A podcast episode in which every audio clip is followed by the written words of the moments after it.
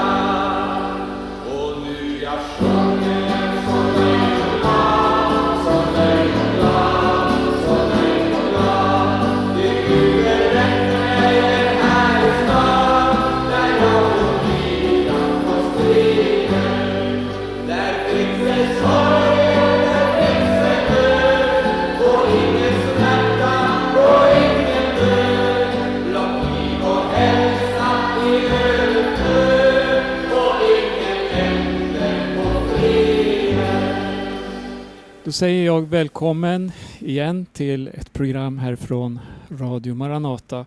Och vi ska fortsätta att samtala kring bergspredikan, alltså den undervisning som Jesus gav och som vi kan läsa främst då, eller mest utförligt skulle jag vilja säga, i Matteus kapitel 5, 6 och 7. Eh, den här sändningen så är Hans inte med. Men eh, Paulus däremot sitter i Norge, i Dal. Välkommen. Och själv Tack. sitter jag här, jag heter Berno Vedén, i Dominikanska republiken tillsammans med Sebastian som också sköter tekniken då för den här sändningen. Och det här är andra programmet om bergspredikan och det är alltså den förkunnelse som Jesus gav.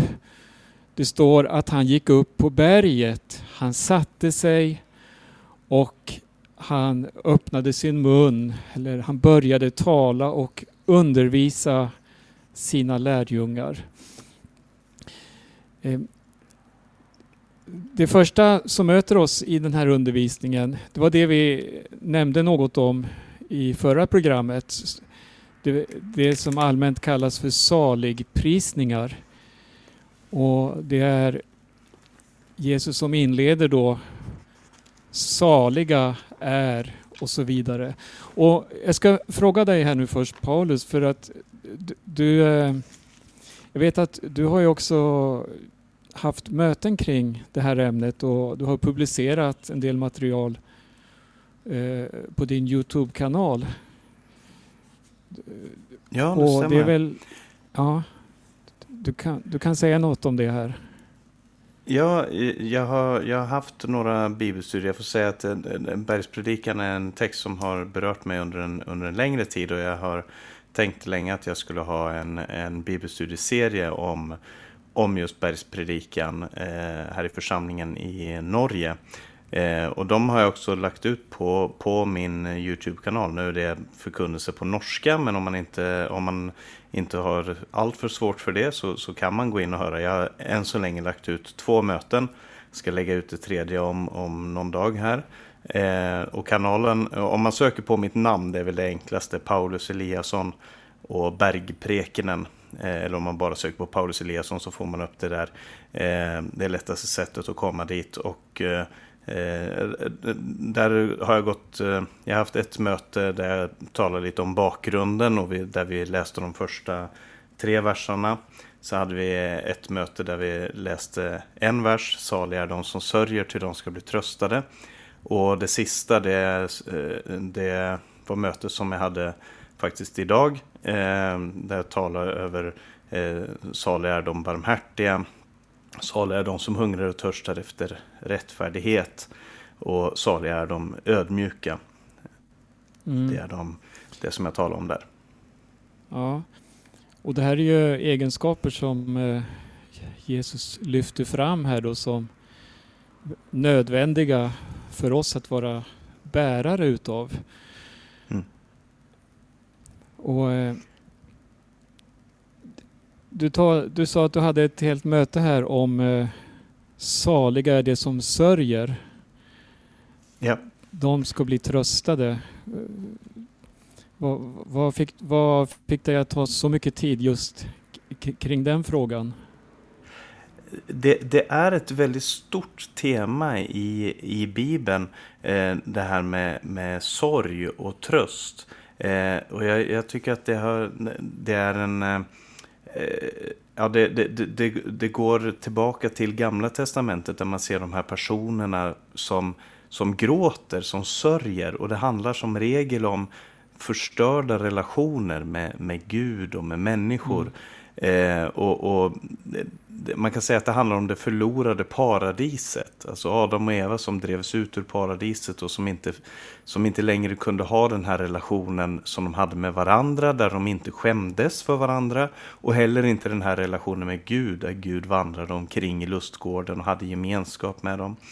Eh, och, och, det ser man när, när bibliska personer som Esau, Josef, eh, Saul, David. Om man läser eh, när de, om när de grät så handlar det väldigt ofta om när, när de möter den här hopplösheten i, i sina liv. Eh, och, och eh, det här, den här sorgen, den, den leder... Eh, det är liksom att vara missnöjd med hur saker och ting ser ut i världen. Eh, och i Hesekiel kapitel 9, det, det, är ju en text som handlar om när eh, Jerusalem blev intaget av en fiende här. Så, så står det att det var många som liksom inte brydde sig, det var många som var likgiltiga, det var många som, som inte såg faran komma. Men i Hesekiel kapitel 9 så står det att eh, Gud säger till Hesekiel att han ska gå igenom staden och eh, Eh, det så Herren sa till honom, gå igenom Jerusalems stad och sätt ett, eh, ett tecken i pannan, eller ett kors i pannan, på dem som suckar och jämrar sig över alla de vidrigheter som görs där inne. Eh, så, så han skulle sätta ett märke i pannan på dem som sörjde över hur saker och ting såg ut. Eh, och, och det, det är utgång, den utgångspunkt som finns för att man ska kunna möta tröstaren. Som det står om i Jesaja kapitel 40. Trösta, trösta mitt folk, säger Herren. Eh, och, och eh, senare också i Jesaja 61 att Herren har sänt mig för att eh, där det talas om eh, den här messianska profetian om Herrens anders är över mig för han har sänt mig och så säger han för att trösta de som sörjer. Eh, och, och, den här eh, tanken förs ju vidare sen in i, i, i Nya Testamentet där, där Paulus talar om det i Andra Korinthierbrevet att eh, vi, vi eh, all trösts Gud som tröstar oss i all vår sorg. Jag, jag, tycker att det är ett fantastiskt uttryck. Vi har en broder i, i församlingen i Rumänien som alltid läser det här bibelordet. Tror jag nämnde det också förra gången. Men, men just det här att, att Gud eh, möter med människor som sörjer. det är svårt för Gud att möta människor som är nöjda. Det är svårt för Gud att göra dem saliga som, som tycker att allting är bra. Men där det finns människor som verkligen sörjer över eh, sakernas tillstånd så finns Gud som en tröstare. Eh, och genom den tröst som vi får, säger Paulus, så kan vi trösta andra. Det handlar om att komma i funktion. Inte bli lamslagen av sin sorg, men att komma i funktion i sin sorg. Och det är någonting som man väldigt sällan ser i den här världen. Men som, som Bibeln helt klart talar om att de här svaga, enkla människorna som möter varandra i sin sorg, som möter Gud som tröstar en och därigenom kan, kan hjälpa och trösta varandra. Jag tror att det är någonting av det som ligger till grund för det här som Jesus säger, saliga är de som sörjer, för de ska bli tröstande. Mm, en sorg efter Guds hjärta kan man säga. Precis. Just det här att man ser en sorg då som leder till omvändelse, en sorg som leder till att man börjar söka ja, att bli mer och mer lik Gud, barmhärtig, rättfärdig och så vidare. Och eh, Jag har folkbibeln framför mig här.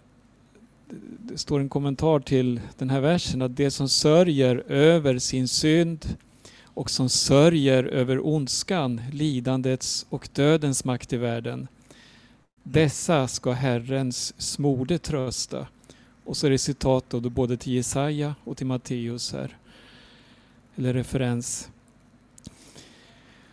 Så att eh, det, det, det, det om man ser, det finns ju många gånger ett väldigt glättigt evangelium som presenteras som har med ytlig framgång att göra eh, som är ofta materialiserad. Men, men här ser vi verkligen något djupt, något äkta som, som Gud vill att vi ska få tag i. Och det är inte för mm. inte tror jag som sorgen ofta leder till omvändelse och lidandet och förföljelsen. Där det finns med i bilden så ser man också hur människor tar evangeliet på ett större allvar. Man ser att det här är något äkta, det är något riktigt. Någonting värt att kämpa för. Ja. Ja. ja det, det är lite som det är eh, Eh, i Gamla Testamentet så har du också Daniel som, som eh, läser i skriften om, om, eh, från Jeremia om de 70 veckor, som, eh, 70 år som skulle gå eh, under fångenskapen i Babylon och som börjar be till Gud och som bekänner sin synd och som bekänner sin eh, folkets synd inför Gud utan mm. att mm. ursäkta sig, utan att söka någon slags försvar, utan han, han sörjer verkligen över sin synd. Och detsamma talar Paulus om i, andra Korint, i, i första Korinthierbrevet, där en, en person i församlingen hade Eh, levde i, i, i ett syndigt förhållande. Och han, han säger, ni, ni borde inte vara stolta över det här, istället borde ni sörja. Ni, ni, ni borde eh, eh, driva ut ifrån er den som är ond, den som, som vägrar omvända sig. Och så borde ni sörja själva. Det finns en väldig makt i, i sorgen, i att eh, möta Gud i den här i den här förtvivlan över tingens tillstånd. Jesus grät till och med vid, vid eh, eh Lazarus grav när han visste att han skulle bara eh, sekunderna senare ropa ut Lazarus kom ut och så skulle saker och ting lösa sig. Men ändå så sörjer han för att världen ser inte ut som den skulle göra. Och det, det måste vi som troende erkänna och göra till en del av oss själva världen är eh, i den ondes våld och, och, vi önskar att Guds rike ska komma och manifestera sig. Men i den här mm. spänningen mellan de två rikena så finns det väldigt mycket sorg som vi behöver anerkänna. Men en kontrast då till denna sorg som Jesus här talar om. Saliga är det som sörja, de ska bli tröstade. Mm. En kontrast Eh, jag tänker på det scenario som vi möter i Uppenbarelseboken, det artonde kapitlet, där presenteras ju Babylon, alltså hela eh, detta stora världsrike med all sin handel, all sin makt, sitt inflytande och alla som har gjort sig beroende utav denna, eh, som också, ska vi säga, orättfärdiga handel och eh, all dess glans. Och då står det så här i elfte versen. Jordens köpmän gråter och sörjer över henne eftersom ingen längre köper deras fartygslaster med guld och silver, ädelstenar och pärlor, fint linnetyg och purpur, siden och scharlakan, allt slags tujaträ och alla slags föremål av elfenben och mycket dyrbart trä, brons, järn och marmor, vidare kanel, dyrbar salva, rökelse och myrra, välluktande harts, vin, ja, och så vidare. Jag stannar där. Men här, här ser vi en, också en sorg. Men, mm. men eh, den eh, har en helt annan grund och ett helt annat mål än den sorg som vi läste nyss om då, som är efter Guds hjärta. Vad, vad, vad leder, eller vad vittnar den här sorgen om? Det är väl någonting av detsamma som Jesus säger, saliga är ni som nu sörjer, för ni ska bli tröstade. Saliga, eh, men ve er som nu eh, eh, är glada, för ni ska sörja. Eh, det, det, handlar ju lite om det här att ha Guds perspektiv på saker och ting. För att den här, den här eh, eh kvinnan som skökan som det står om här i, i, mm. i Uppenbarelseboken, i den här texten som du talar om. Hon, hon säger ju själv att eh, jag är rik, jag, jag behöver ingenting, jag, jag, jag är inte änka, jag är inte fattig, jag, mig ska aldrig någonting drabba. Eh, mm. Hon har den här säkerheten nu eh, för att hon ser det jordiska perspektivet, men det kommer att leda, precis som du läste här, till en väldig sorg för de som har det här som sin trygghet. Eh, mm. Men, men eh, min, min svärmors mor var en eh, pingstvän uppifrån en liten ö i, eh, utanför Trondheim i, i, här i Norge. Eh, och hon, eh, min, min fru brukar berätta att hon alltid hade, bad en bön Eh, för, sitt, för eh, moderlandet och för folket och för allt. Och så hade hon en strof som hon alltid sa och det var den här, eh, hon sa så här, salig är den som når allt på jord farer hen, har Jesus och himlen igen. Mm. Alltså de här som, som gråter här, de gråter därför att det som är på jorden försvinner. Men Bibeln presenterar här att salig är den som när allting på den här jorden försvinner har sin skatt samlad i himmelen. Ett tema som också kommer tillbaka i bergspredikan. Samla er inte skatter på jorden där mått och mal tränger in och förstör, men samla er skatter i mm. himmelen. Ja, man ser ju det här genomgående i, i Jesu undervisning om att samla på rätt ställe, ha sitt hjärta på rätt ställe och vilka eh, konsekvenser det får också i vårt vardagsliv. Att man söker inte det jordiska, man söker inte det materiella utan eh, man söker Guds rättfärdighet och man söker att vara barmhärtig. Mm. Och det är stora böneämnen och eh, vad ska man säga egenskaper som vi behöver här i tiden för att kunna erbjuda människor ett sant evangelium, kunna visa och peka på Jesus. För han är verkligen annorlunda än det vi möter här i tiden. Mm. Ja, det är, det är verkligen givande versar som man möter här i Bergspredikan. Jag tänker på de här egenskaperna som det står om här. Eh, att sörja, att vara fattig, ödmjuk, hungra, törsta och så vidare.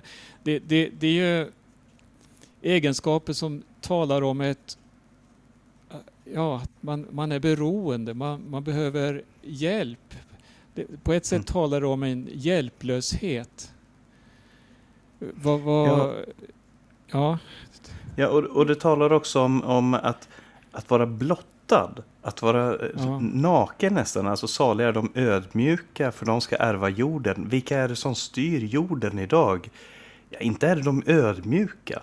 Det är inte ödmjukhet jag har upplevt från Nej, Kina, det är stora namn USA. Som Putin och Trump och allt vad de heter. ja, ja precis. Det, det är inte ja. ödmjukhet som präglar Joe Biden. Det är inte ödmjukhet som, som präglar någon av de här stora världsledarna. Ju större Nej. världsledare de är, ju, ju mer självhävdelse och självförhärligande handlar det om. Och, och, det är inte barmhärtighet som präglar heller, utan det, det är, det är hämnd, det är, eh, jag menar från, från alla håll och kanter så, så är det, eh, handlar det om makt, det handlar om maktpositioner och så. Det är ingen som söker att bli fattig i anden. Det är ingen som längtar efter sorg, det är ingen som hungrar och törstar efter rättfärdighet. Det är ingen som finner sin salighet i ödmjukhet eller i barmhärtighet eller i att vara renhjärtad eller i att skapa frid eller att bli förföljd. Eh, just mm. därför att det är så eh, kontraintuitivt. Men, men jag tror att Jesus bjuder in oss till en värld där, där det här är verkligheten. Där det funkar på det här sättet och där vi kan leva så. Eh, inte, som, inte för att vi är så naiva och inte förstår hur världen hänger ihop. Eh, men, men heller inte, eh, men, utan eh, med, med Gudsriket, med Guds kraft, med det eviga livet, med, med den heliga andes kraft som, som eh, eh, vad ska man säga, som, som eh, realiteter som faktiskt fungerar, som faktiskt är verksamma. Och det är det jag tänker till exempel det här, saliga de barmhärtiga, för de ska få barmhärtighet. Eh, barmhärtighet, det är ju att blotta sig själv och att lita helt och fullt på Gud.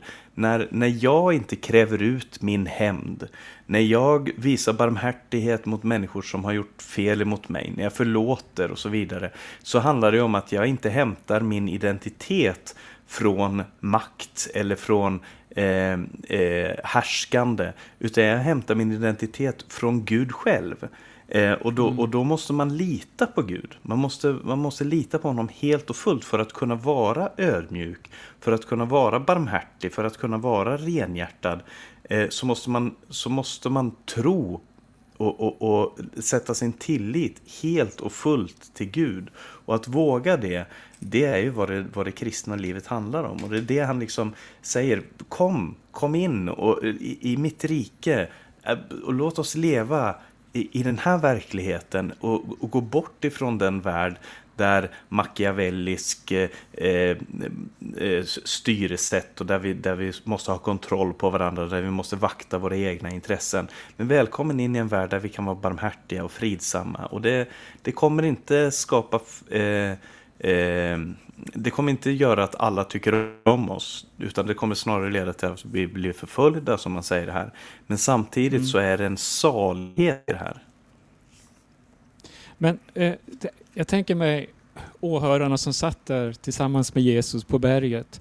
Och så börjar han tala till sina lärjungar då. Det står att han att hans lärjungar kom fram till honom. Var, så de hade ju en speciell position inför Jesus då när han undervisade. Och, och, och så säger deras lärare, saliga är de som blir förföljda och saliga är ni när människor hånar och förföljer er.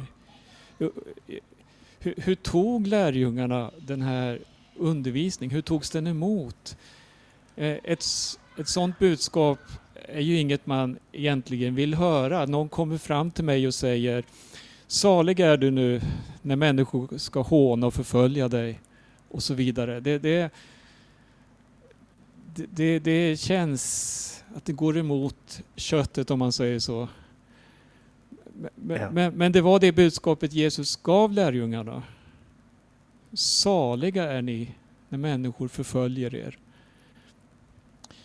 Och, ja, och, och den här... Ja. ja. Nej, fortsätt du. Nej, jag tänker att det här, det här talar ju också väldigt starkt om, om deras historia och det de upplevde just då. För att det var, de var ju ockuperade av den romerska makten. De hade tidigare varit ockuperade av den grekiska, den persiska, den babyloniska. All, alla länder, alla stormakter genom historien vill ju ha en, en del av, av Israel. Eh, och, och, Israel som folk hade varit väldigt förtryckta. Men Jesus talar också om en ny verklighet där, där eh, det inte bara handlar om, om förtryck men också om ren förföljelse. Någonting som de kristna, ja. de troende, judar och hedningar skulle få uppleva bara några eh, decennier senare under Nero och, och, och, flera andra kejsare som startade förföljelser mot kristna. Eh, det, det, måste ha varit eh, inte, ja, lite oroväckande, lite eh, ja, väldigt speciellt att höra den här förkunnelsen ifrån Jesus som, som varnade dem och förberedde dem för en tid som skulle komma. vad var det man sa? Vi som hade hoppats att han var den som skulle återupprätta riket. och i, apostlärningarna, och i Apostlärningarna 1, någonting liknande, är, nu, är det i denna tid som du ska upprätta riket för Israel. Mm. Man, man, hade liksom det där hoppet om att han nu, nu så ska han göra det, nu så ska han göra det. Eh, och så gör mm. Jesus det på ett så annorlunda sätt. Så revolutionerande och fantastiskt men ändå så annorlunda sätt att eh, han satte ord också, annat. Han satte ju ord på sin förkunnelse genom att säga att mitt rike är inte av den här världen. Mm. Utan han, så börjar han, ja han talar ju om eh, vad det innebär att vara medborgare i Guds rike. Det är så himmelsvid skillnad mellan det och på det sätt som den här världens riken kämpar. Precis, saliga de som skapar frid. Det var ju, ja. alltså Rom hade ju sitt sätt att skapa frid. De hade ju sitt Pax Romana. Eh, som, som var att när vi har dödat alla våra fiender när vi har satt tillräckligt skräck i alla våra motståndare, när alla rebeller är korsfästa, då är det frid. Det var Pax Romana. Men Jesus mm. presenterar någonting annat och säger saliga de som skapar frid, för de ska kallas Guds barn. Det är en gudslikhet i det här att skapa frid. Och i Efesierbrevet så säger Paulus att han är vår frid. Jesus är vår frid. Han som av de två, judar och, och icke-judar, gjorde ett en ny människa och så skapade frid genom sin död på korset. Och jag tror att korset är det som är svaret. Alltså korset eh, som händelse och den heliga ande som, som eh, inneboende person i den troendes liv är det som är svaret på vår fråga. Men hur ska vi lyckas med det här? hur, ska vi, mm. hur ska vi kunna vara ödmjuka och fattiga i anden och barmhärtiga och skapa frid? Det är ju helt omöjligt det är två saker. Vi måste vara nära korset. Vi måste vara nära Jesus och se upp på honom som var allt det här för att frälsa oss. Och för det andra så behöver vi bli fyllda av den heliga ande för att överhuvudtaget ha någon möjlighet. Vi måste ha Gud inneboende i oss för att klara av det här. Mm. Vi ska gå vidare här och läsa verserna 13 och 14 Ja, 13 till 16 blir det. Men vi lyssnar till en sång här först. Stjärnan är på himlafästet Fågeln är i kändandes Tryggare kan ingen vara än Guds liv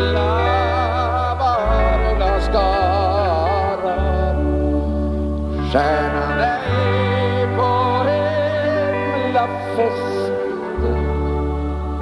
Fågeln ej i kända nästen Herren sina trogna vårdar ut i Sions helga gårdar över dem han sig förvarmar och bär dem upp på faderns arm. Över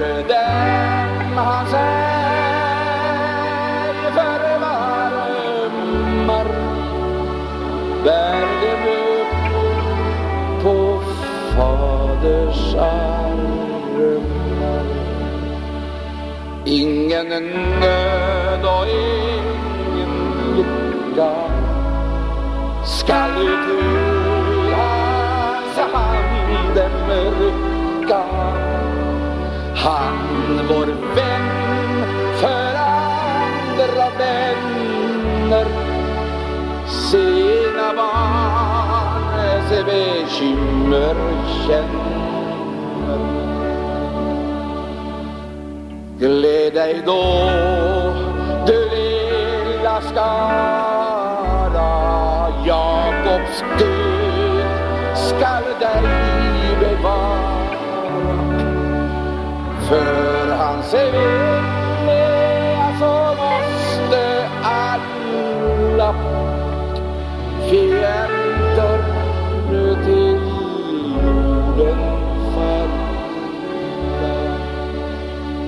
Ingen nöd och ingen lycka skall ut ur hans ande rycka.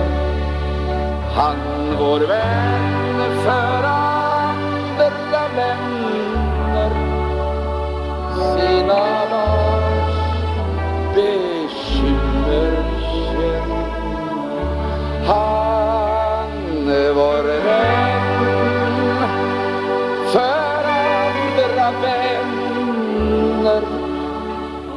sina barns bekymmer eh, I Matteus 5 och vers 13 läser vi Ni är jordens salt. Men om saltet förlorar sin sälta, hur skall man då göra det salt igen? Det duger bara till att kastas ut och trampas ner av människor. Ni är världens ljus, inte kan en stad döljas som ligger på ett berg. Inte heller tänder man ett ljus och sätter det under skeppan, utan man sätter det på ljushållaren så att det lyser för alla i huset. Låt på samma sätt ert ljus lysa för människorna så att de ser era goda gärningar och prisar er fader i himlen. Så undervisade Jesus. Och det här kommer alltså direkt efter saligprisningarna som vi har berört något här. Vad är din första kommentar till det här Paulus? Ja, jordens salt och världens ljus. Jag, jag måste säga att eh, när jag kommer ihåg eh, i min ungdom när jag lyssnade på förkunnelsen av, av Arne Imsen så kom han väldigt ofta tillbaka till just de här två sakerna. Jordens Mm. salt och världens ljus. Eh, Det, det, det, yes, eh, när jag läser de här verserna så ser jag möteslokalen på Bällsta och Broder Arne som sitter där framme och talar. Det, det är en fantastisk text och han satte väldigt fokus på just det här med vad som är församlingens uppdrag i tiden. Vad, vad, är vår, i- vad, vad är vår identitet? Vad är vår funktion och vad är vårt uppdrag? Och just det här, när saltet mister sin sälta så duger det inte till någonting annat än att kastas ut och trampas ner av människorna. Eh, det där att eh, vi, vi kan förlora det som, det som är eh, tanken, med vår, eller som är vårt existensberättigande, det kan gå förlorat. Eh, och då blir vi precis som alla andra och då blir vi nedtrampade som vi ser så ofta sker med kristna som har förlorat sin sälta. Mm. Jag tänker också på en sak här. Jordens salt. Om vi läser om eh, profeterna i Gamla Testamentet så de var ju salt för Kanaan, alltså salt för Israel och för, eh, den, för det land och den plats där ja, folket fanns så att säga. De, de skulle vara ett land framför alla andra nationer med de här egenskaperna. Men så så kommer vi till apostlarna här.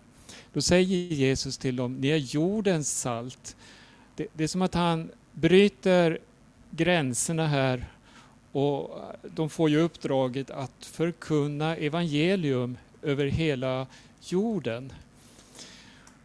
Men så tänker jag då först, här har vi sett hur Jesus eh, inledde den här förkunnelsen genom att ta ifrån lärjungarna alla världsliga maktmedel egentligen och istället tala om de här egenskaperna vi har nämnt nu om att sörja och så vidare, att vara totalt utblottad och beroende.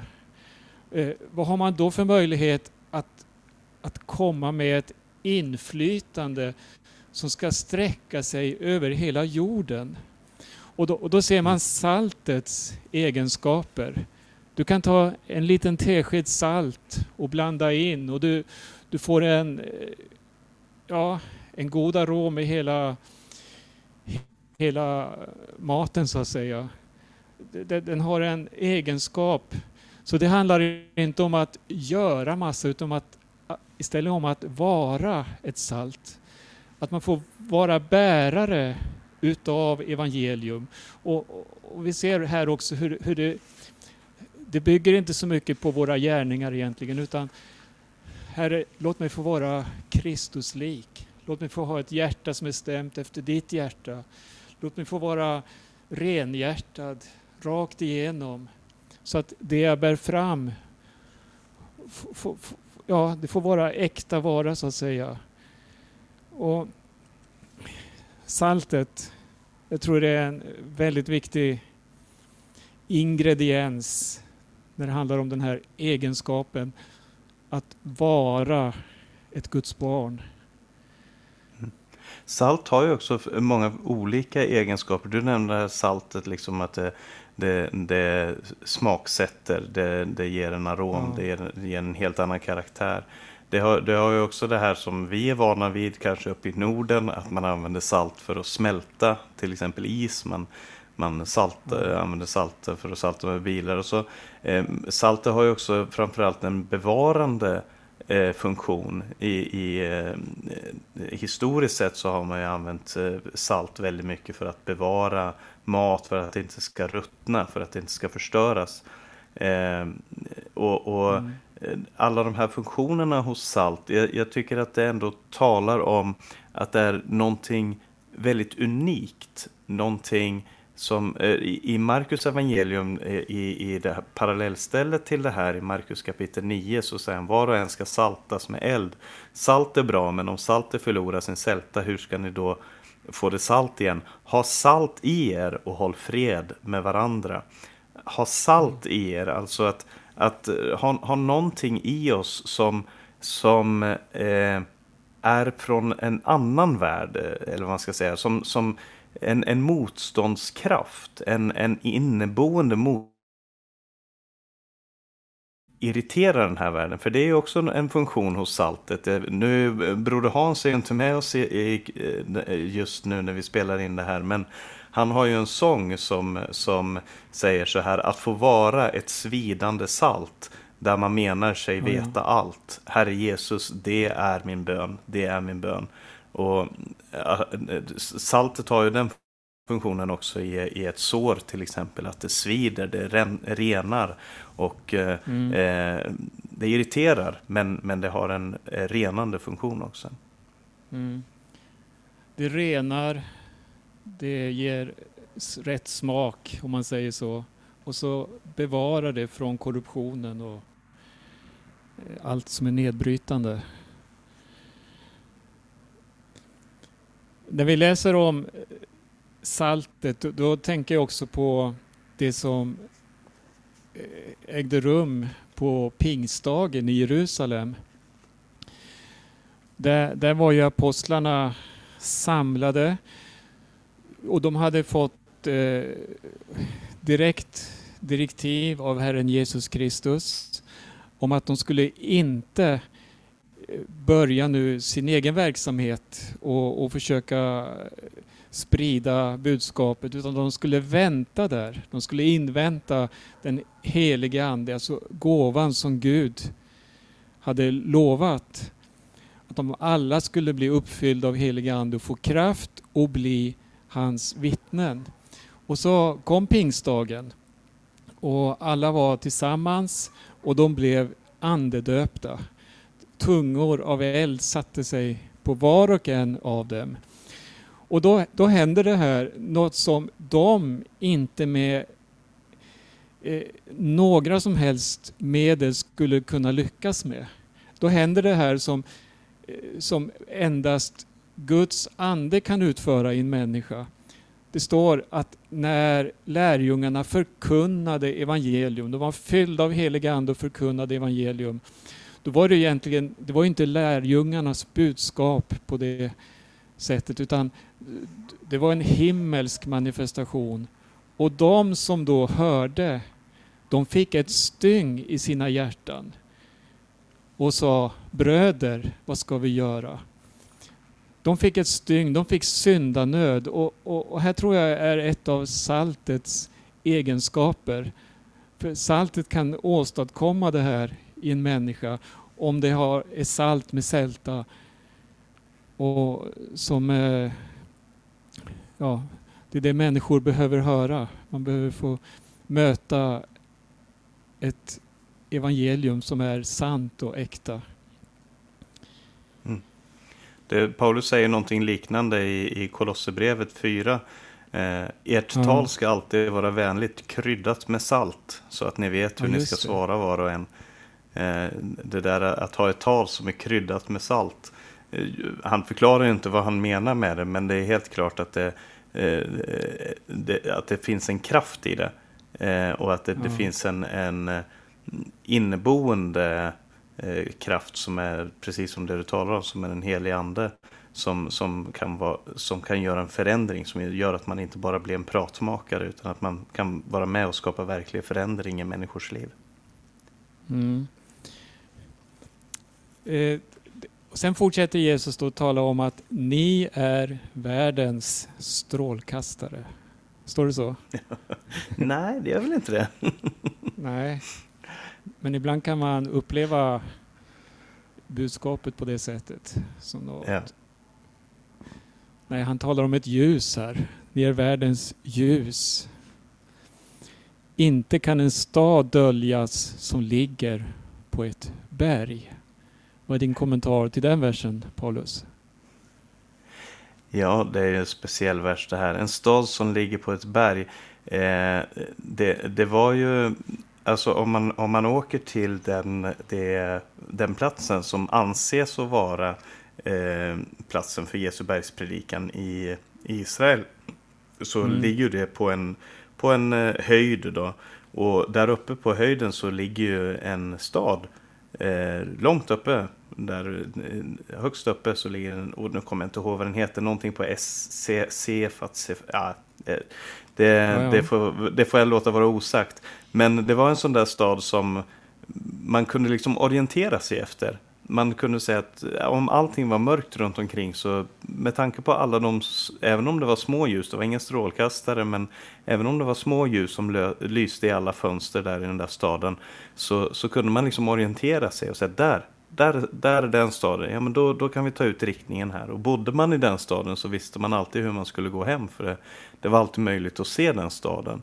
Och det är väl mm. någonting av den funktionen som församlingen är tänkt att ha. Och vara den här, det här ljuset i världen, en fast punkt som man kan orientera sig efter och, och en plats som man ska kunna veta hur man tar sig till för att det finns ett ljus, det finns en klarhet i den här. Ni är världens ljus. Det är så mycket mörker i den här världen och Bibeln talar om det mm. mycket. Eh, I Kolosserbrevet så står det att ni är eh, förda över ifrån mörkrets välde in i den älskade sonens rike. Eh, och, och, i eh, eh, är det Efesierbrevet som han säger, eh, och jag citerar fritt från minnet här, han som bjöd att ljus skulle lysa fram i mörker. Han är den som har låtit ljus gå upp i era hjärtan. Och därför står det skrivet, stå upp du som sover, vakna upp ifrån de döda och Kristus ska lysa för dig. Alltså det som Kristus var, han var verkligen ett salt och han var absolut ett ljus. Han säger i Johannes evangelium, jag är världens ljus. Eh, Det är också församlingen i den här tiden. Vi har samma funktion. Att, att vara de som förkunnar evangeliet, som drar människor till Kristus, som en plats för omsorg för dem som är fångade i mörkret. Föra människor ut ur mörkret och in i ljuset. Det, det är en väldigt, väldigt viktig funktion för församlingen. När Jesus sa det här, jag är världens ljus, då hade han precis haft en uppgörelse med fariseerna och de som hade fört en kvinna fram inför Jesus för att hon skulle stenas, hon hade begått äktenskapsbrott. Och där hade ju Jesus en uppgörelse med dem och visade på sin barmhärtighet och sin visdom och sa den som är utan synd kasta första stenen. Och Mm. alla gick skamsna därifrån. Och sen utropar han det här, jag är världens ljus. Och, eh, men här säger Jesus till sina lärjungar då, ni är världens ljus. Så vi ska vara det samma ljus som eh, Herren Jesus här talar om. Och det att han talar om en stad som ligger på ett berg, det, det för ju mina tankar till att församlingen, den bygger ju på en klippegrund. Den bygger på en klippa som är Herren Jesus Kristus själv. Det, det som är vår grund. Och det står församlingen här som en stad på ett berg.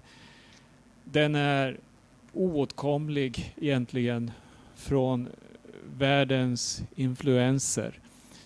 Den styrs inte av världen men ändå är den ett sant ljus för att människor ser vilka skillnader det finns. Man ser distansen, man ser äktheten. Här har vi en stad som är byggt på en klippa eller på ett berg som det står. Och Herren Jesus Kristus är själv grunden för denna stad. Mm. För församlingen. Ja, precis.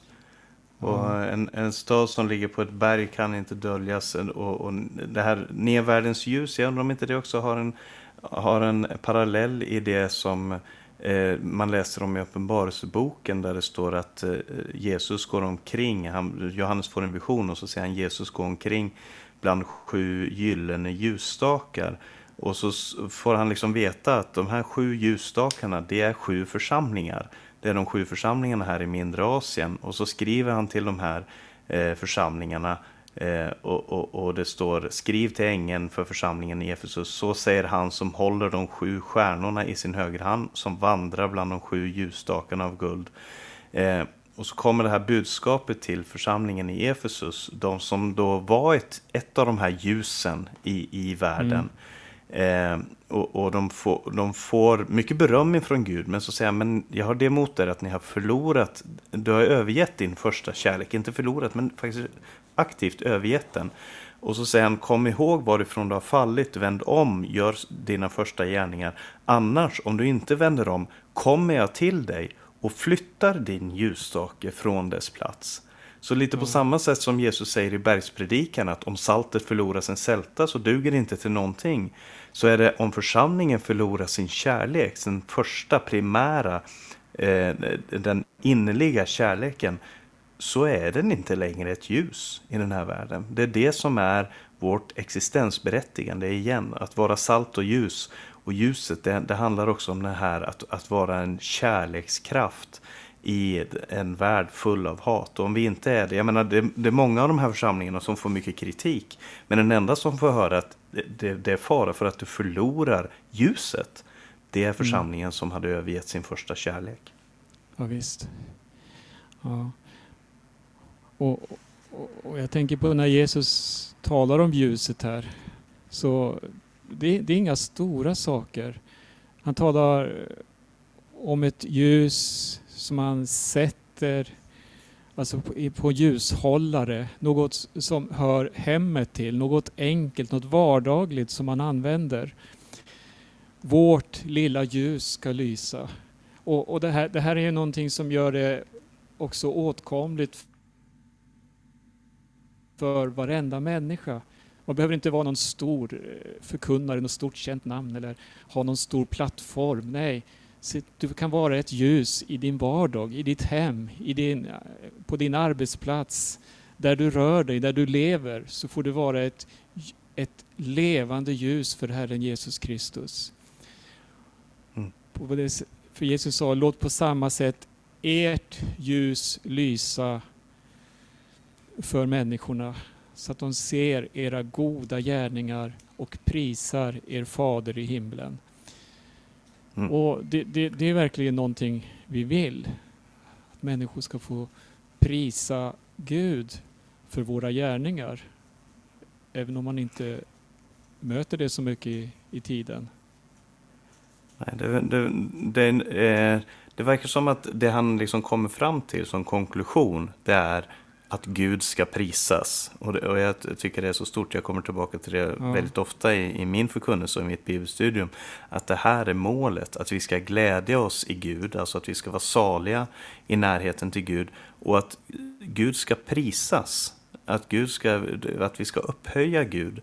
Eh, så att allt det vi gör, det här funktionen som salt, funktionen som ljus, eh, funktionen som en stad på berget, ett ljus som inte är under skeppan eh, utan som sätts på hållaren så det lyser för alla i huset. Eh, funktionen är att göra goda gärningar. Det är inte för att vi ska prisas, det är inte för att vi ska äras, det är inte för att vi ska få ett diplom och hänga på väggen som den bästa ljusstaken i, i, i Europa. Utan det är för att människor ska se det och därför ska de prisa Gud i himmelen. Det det är det han, han önskar, det är det som är målet med allting här på jorden. Att Gud ska bli mer ärad. Och jag tycker det är fantastiskt att se att han, han påpekar det igen här. Det är Guds ära det handlar om. Ja, Amen. Ja, det är verkligen, jag säger det om igen här, det är ett stort böneämne att vi får vara ett ljus på det här sättet som Jesus talar om. Tänk att få med sitt liv få leda människor till att prisa Gud. Och eh, vi ska avsluta det här programmet strax och vi kommer att fortsätta i Bergspredikan i kommande program också. Men eh, innan vi säger tack och adjö för den här gången så har du några avslutande ord Paulus. Varsågod. Ja. Jag får säga det att när Jesus eh, ger den här undervisningen så är den ju riktad till hans lärjungar, men också med folkskarorna som det står här som, som åhörare. Och jag vet ju inte vem du är som lyssnar på det här just nu, om du är en, en person som har växt upp med det kristna budskapet eller om du kanske eh, upplever dig som nyfiken eller fientlig till det kristna budskapet. Men jag hoppas att oavsett vem du är, att du ska se att Jesus eh, eh, öppnar dörren in i en ny värld. En annorlunda värld. Eh, och du får ju själv... Eh, eh, eh, jag hoppas att, att den helige Ande eh, uppenbarar för dig hur fantastisk den här världen är. Och jag hoppas att du själv också kan, kan se eh, vad det är för, för uppdrag som Gud kallar dig eh, som individ in i, i tillsammans med hans heliga. Och om du är troende, om du inte är troende, vem du än är som, som lyssnar på de här orden, så vet jag att det är så otroligt många människor som har blivit berörda av Jesus som person och av Jesu undervisning och kanske framförallt den som vi möter här i, i bergsprediken. Och vi har delat våra tankar om de här orden, men vi vill också uppmuntra dig som lyssnar att själv läsa den här texten. Nya testamentet, Matteus evangeliums femte kapitel. Läs det, eh, ta in det och, och, och tänk över det här. Bibeln säger att salig är den som tänker på Herrens ord både dag och natt. Och det här är verkligen en text som man kan komma tillbaka till många, många gånger. Och budskapet är det här, det finns en salighet att få tag i som handlar om att ha eh, ett rätt förhållande till Gud och människor omkring sig. Och den saligheten, den är inte beroende av pengar, av makt, av eh, eh, eh, de här sakerna som den här världen kan erbjuda utan de är beroende av ditt förhållande till Gud. Att, och din likhet med Gud. Att du blir en fridskapare som Gud, att du blir barmhärtig som Gud, att du blir ödmjuk som Herren Jesus Kristus själv, att du blir mer lik Jesus.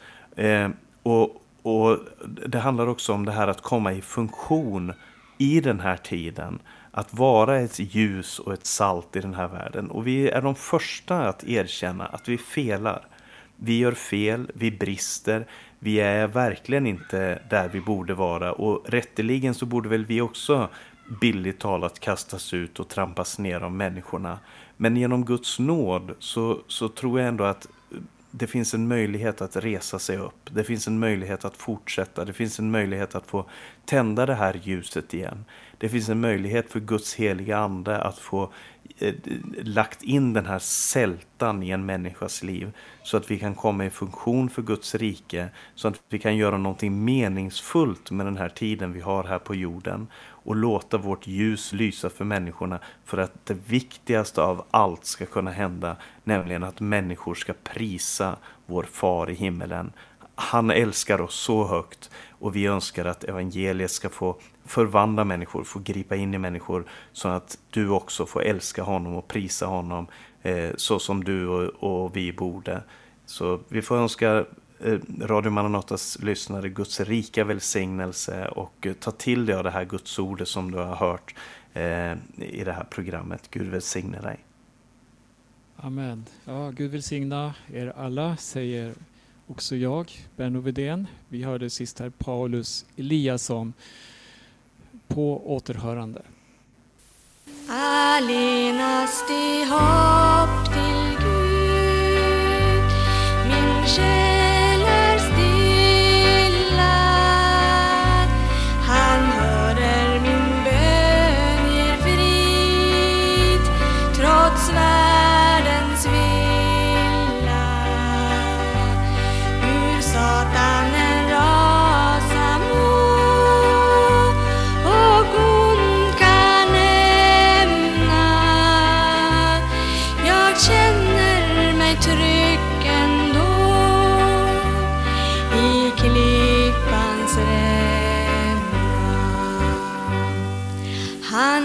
namn är min fasta borg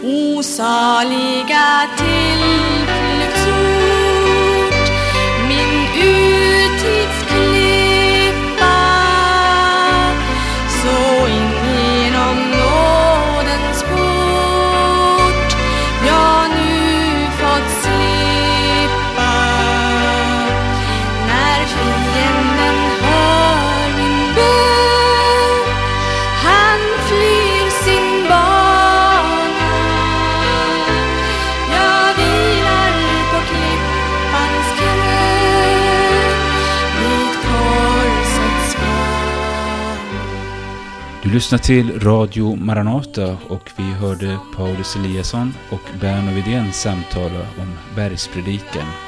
Det här var del två i en serie som vi sänder. Musiken vi hörde det var från kassetten Tryggare kan ingen vara från 1987. Det här programmet sänds över Stockholms närradio 88 MHz, Örebro närradio 95,3 MHz samt Göteborgs närradio 94,9 MHz. Om du vill ha kontakt med oss, vill ha mer information, så är du välkommen att besöka vår hemsida på www.maranata.se. Du kan vi ringa oss på 070-201 6020 eller mejla oss på info maranata.se. Med de orden önskar jag dig Guds rika välsignelse och på återhörande snart igen i Radio Maranata.